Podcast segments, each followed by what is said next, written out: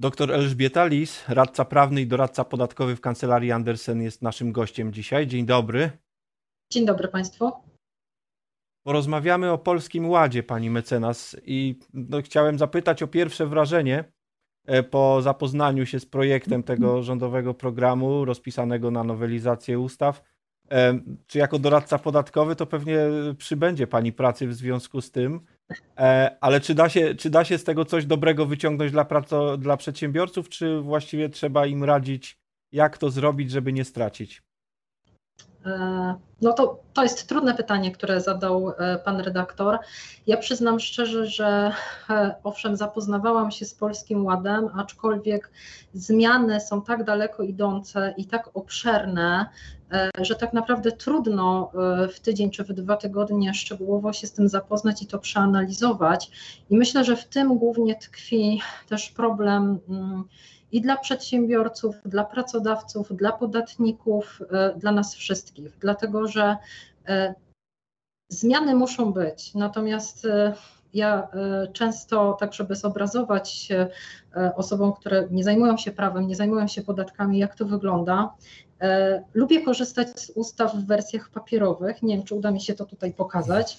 Natomiast tak, mniej więcej wyglądała książka z ustawami podatkowymi z w 2004 roku. Obecnie, nawet ciężko jest mi to podnieść, to jest. O rany. O, to, nie, Trochę w drugą stronę. O tu. Tak, to jest coś takiego. E, także e, przyrost jest ogromny. E, tak naprawdę w bieżącym roku, w 2020 roku, mieliśmy do czynienia z E, w ubiegłym roku 15 tysięcy stron nowych przepisów, codziennie trzeba by czytać dwie godziny e, i być może tak przekornie powiem, dlatego Polacy czytają tak mało książek, bo po prostu muszą hmm. czytać ustawy. A jednocześnie powtarzamy wszystkim, że nieznajomość prawa szkodzi. Prawda? No właśnie, nieznajomość prawa szkodzi.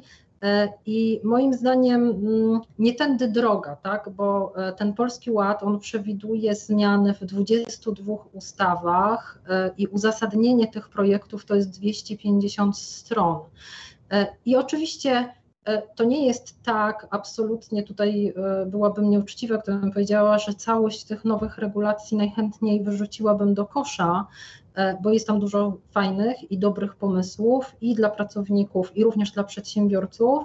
Natomiast wydaje mi się, że jest to wprowadzane zbyt szybko. E, czas konsultacji publicznych, na konsultacje publiczne, które był przewidziane, to było dwa tygodnie, 14 dni. Tak jak mówię, ja nawet nie jestem w stanie ze zrozumieniem zapoznać się e, szczegółowo z tą regulacją, a co dopiero zgłosić jakieś uwagi. E, także zmiany jak najbardziej, ale e, nie w ten sposób. E, pani mecenas, jak pani interpretuje i odtwarza intencje rządu, który chciałby wprowadzenia tych zmian, to na co rząd liczy? Znaczy, ja mam takie wrażenie, że też te zmiany, poza tym, że oczywiście ta otoczka, która, e, która jest robiona, ona pokazuje, że e, intencją jest obniżenie podatków, e, ułatwienie życia przedsiębiorcom, zwiększenie też wpływów na opiekę zdrowotną. Natomiast jak się wczytamy w szczegóły tego pakietu zwanego Nowym Ładem, to okazuje się, że on dla mnie przynajmniej jest wewnętrznie sprzeczny i na to zwróciła też uwagę w takim apelu e, Rada e, Przedsiębiorczości, bo z jednej strony na przykład to, o czym bardzo głośno jest w mediach, e, zwiększa się de facto składkę zdrowotną, dlatego że przedsiębiorcy będą ją płacić od dochodu, a nie od zryczałtowanej stałej wysokości, przez co zwiększą się wpływy, tak? One mają się zwiększyć wpływy na, na ubezpieczenia zdrowotne. Mieliśmy pandemię, wiadomo, e, jest to potrzebne. Ale z drugiej strony ministerstwo mówi, przedsiębiorco, jeżeli nie chcesz tutaj płacić wyższej składki zdrowotnej, to proszę bardzo, możesz przejść na podatek dochodowy od osób prawnych, upraszczamy estoński CIT. Z drugiej strony możesz również przejść na ryczałt od przychodów ewidencjonowanych. A te formy alternatywne prowadzenia działalności albo w ogóle nie są oskładkowane, jeżeli chodzi o ubezpieczenie zdrowotne, albo są oskładkowane w niższej wysokości, więc generalnie ja widzę tutaj pewną e, niespójność. E, z drugiej strony, i też na to Rada Przedsiębiorczości zwróciła uwagę, rząd chce walczyć z szarą strefą i wprowadza również takie rozwiązania, które mają tą szarą strefę ukrócić, a z drugiej strony właśnie ułatwia i zachęca przedsiębiorców do odejścia od podatku liniowego do przejścia na e, przychód ewidencjonowany, gdzie koszty uzyskania przychodu dla zobowiązania podatkowego nie mają żadnego znaczenia. Wobec tego e, no, generalnie tutaj e, przedsiębiorca nie będzie domagał się i tak bardzo skrupulatnie dokumentował kosztów, gdyż te koszty nie będą miały wpływu na jego zobowiązanie podatkowe. Także tutaj kolejna niespójność i tych niespójności w mojej ocenie jest y, bardzo wiele. Ja mam takie wrażenie, że jeżeli chodzi o tą składkę zdrowotną i przedsiębiorców, to tutaj ustawodawca po prostu postawił sobie za cel y, de facto zlikwidowanie jednoosobowych działalności gospodarczych opodatkowanych dotychczas stawką liniową, bo te zmiany, które mają być wprowadzone, one powodują, że po pierwsze opodatkowanie liniowe staje się fikcją, E, a po drugie e, ono de facto staje się bardzo nieopłacalne.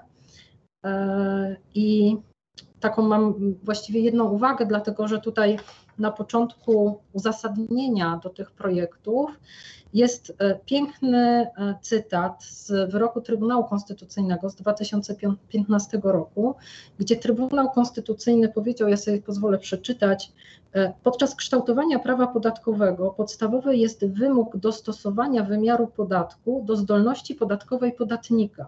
Chodzi o to, by kształtując system podatkowy, wyznaczyć zobowiązania podatkowe według indywidualnych możliwości poniesienia świadczenia podatkowego. Czyli generalnie ma być sprawiedliwie. Ale po pierwsze, nie można do jednego worka wkładać przedsiębiorców i pracowników, dlatego że przedsiębiorcy i pracownicy pełnią zupełnie inne funkcje, ponoszą inne ryzyka i ponoszą inną odpowiedzialność.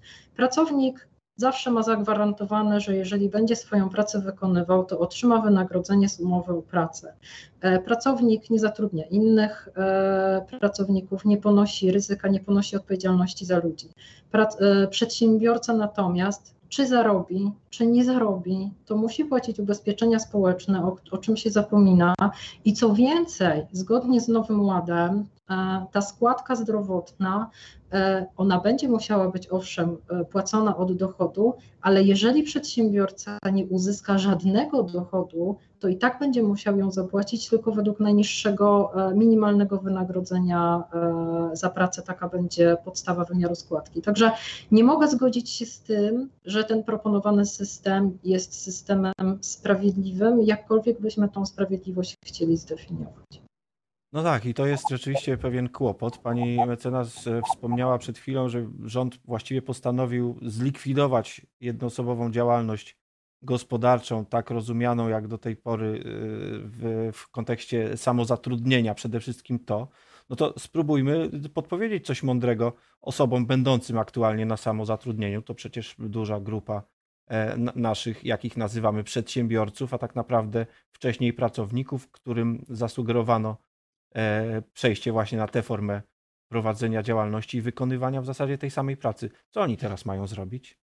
E, no, przeczytać ustawę i uzasadnienie. To tak naprawdę nie ma jednego rozwiązania.